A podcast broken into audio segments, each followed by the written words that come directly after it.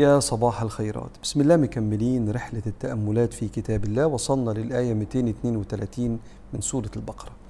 أعوذ بالله من الشيطان الرجيم. وإذا طلقتم النساء فبلغن أجلهن فلا تعضلوهن فلا تعضلوهن أن ينكحن أزواجهن إذا تراضوا بينهم بالمعروف ۖ. ذلك يوعظ به من كان منكم يؤمن بالله واليوم الآخر. ذلكم أزكى لكم وأطهر. والله يعلم وأنتم لا تعلمون. الآية دي مش بتخاطب الراجل والست اللي متجوزين أثناء الطلاق. بتخاطب الولي أبو الست ولا أخوها. بتخاطب الولي لو واحد طلق مراته وبعدين خلصت العدة وحب إن هو يتقدم لها تاني. وحضراتكم عارفين إن الراجل والست لما يتجوزوا عندهم ثلاث طلقات. بس لو طلقها الطلقة الأولى عندها ثلاث شهور للعدة ممكن يرجعها أثناء الثلاث شهور. لكن لو خلصت الثلاث شهور دول هو محتاج عشان يتجوزها يتقدم لها من الأول وجديد بمهر جديد وعقد جديد. ويروح بيتها وكأنه بيتجوزوا من أول وجديد. وهنا ساعات الولي ويحكي لنا سيدنا الإمام ابن الجوزي في تفسيره زاد المسير أن سيدنا معقل بن يسار كان جوز أخته قبل كده لأحد الناس. وبعدين عاشوا مع بعض ودخل الشيطان ما بينهم وطلقها. وعدت شهور العدة وانتهت وحب إن هو يتقدم لها تاني لأن هو لسه عنده طلقتين لو تقدم لها تاني لكن بمهر وعقد جديد. فلما راح لسيدنا معقل بن يسار وهو ولي الست قال له لا إحنا أكرمناك وزوجناك بنتنا وإنت طلقتها والله لا تتزوجها ابدا. فنزل القرآن.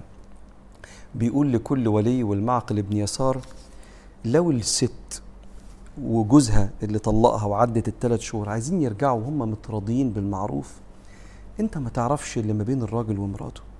وما تعرفش لما بعدوا عن بعض الثلاث شهور دول أو مدة أكبر من كده وهو لسه عنده رغبة فيها وهي عندها رغبة فيه ما تعرفش إزاي يتغيروا وألم البعد ده غير فيهم.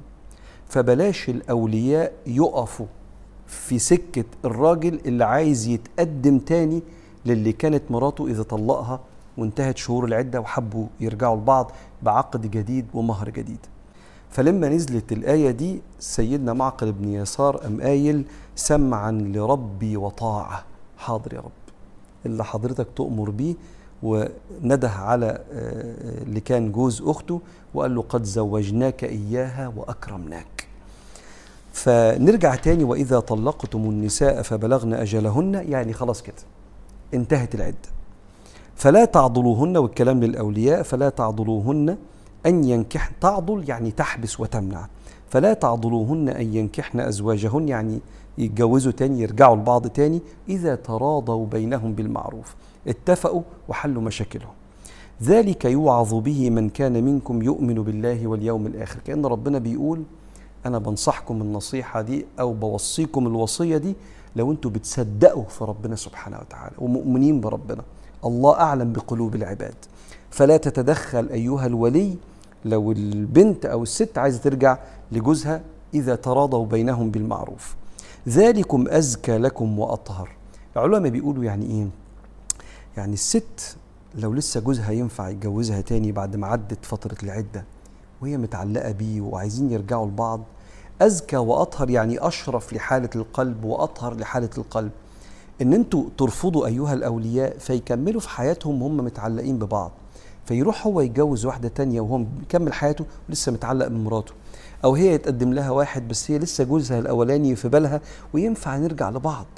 فكأنه بيقول لهم الله سبحانه وتعالى أنا أعلم بقلوب العباد والأنفع لهم والأطهر لقلوبهم عشان يعيشوا عيشة سوية فيما تبقى من عمرهم.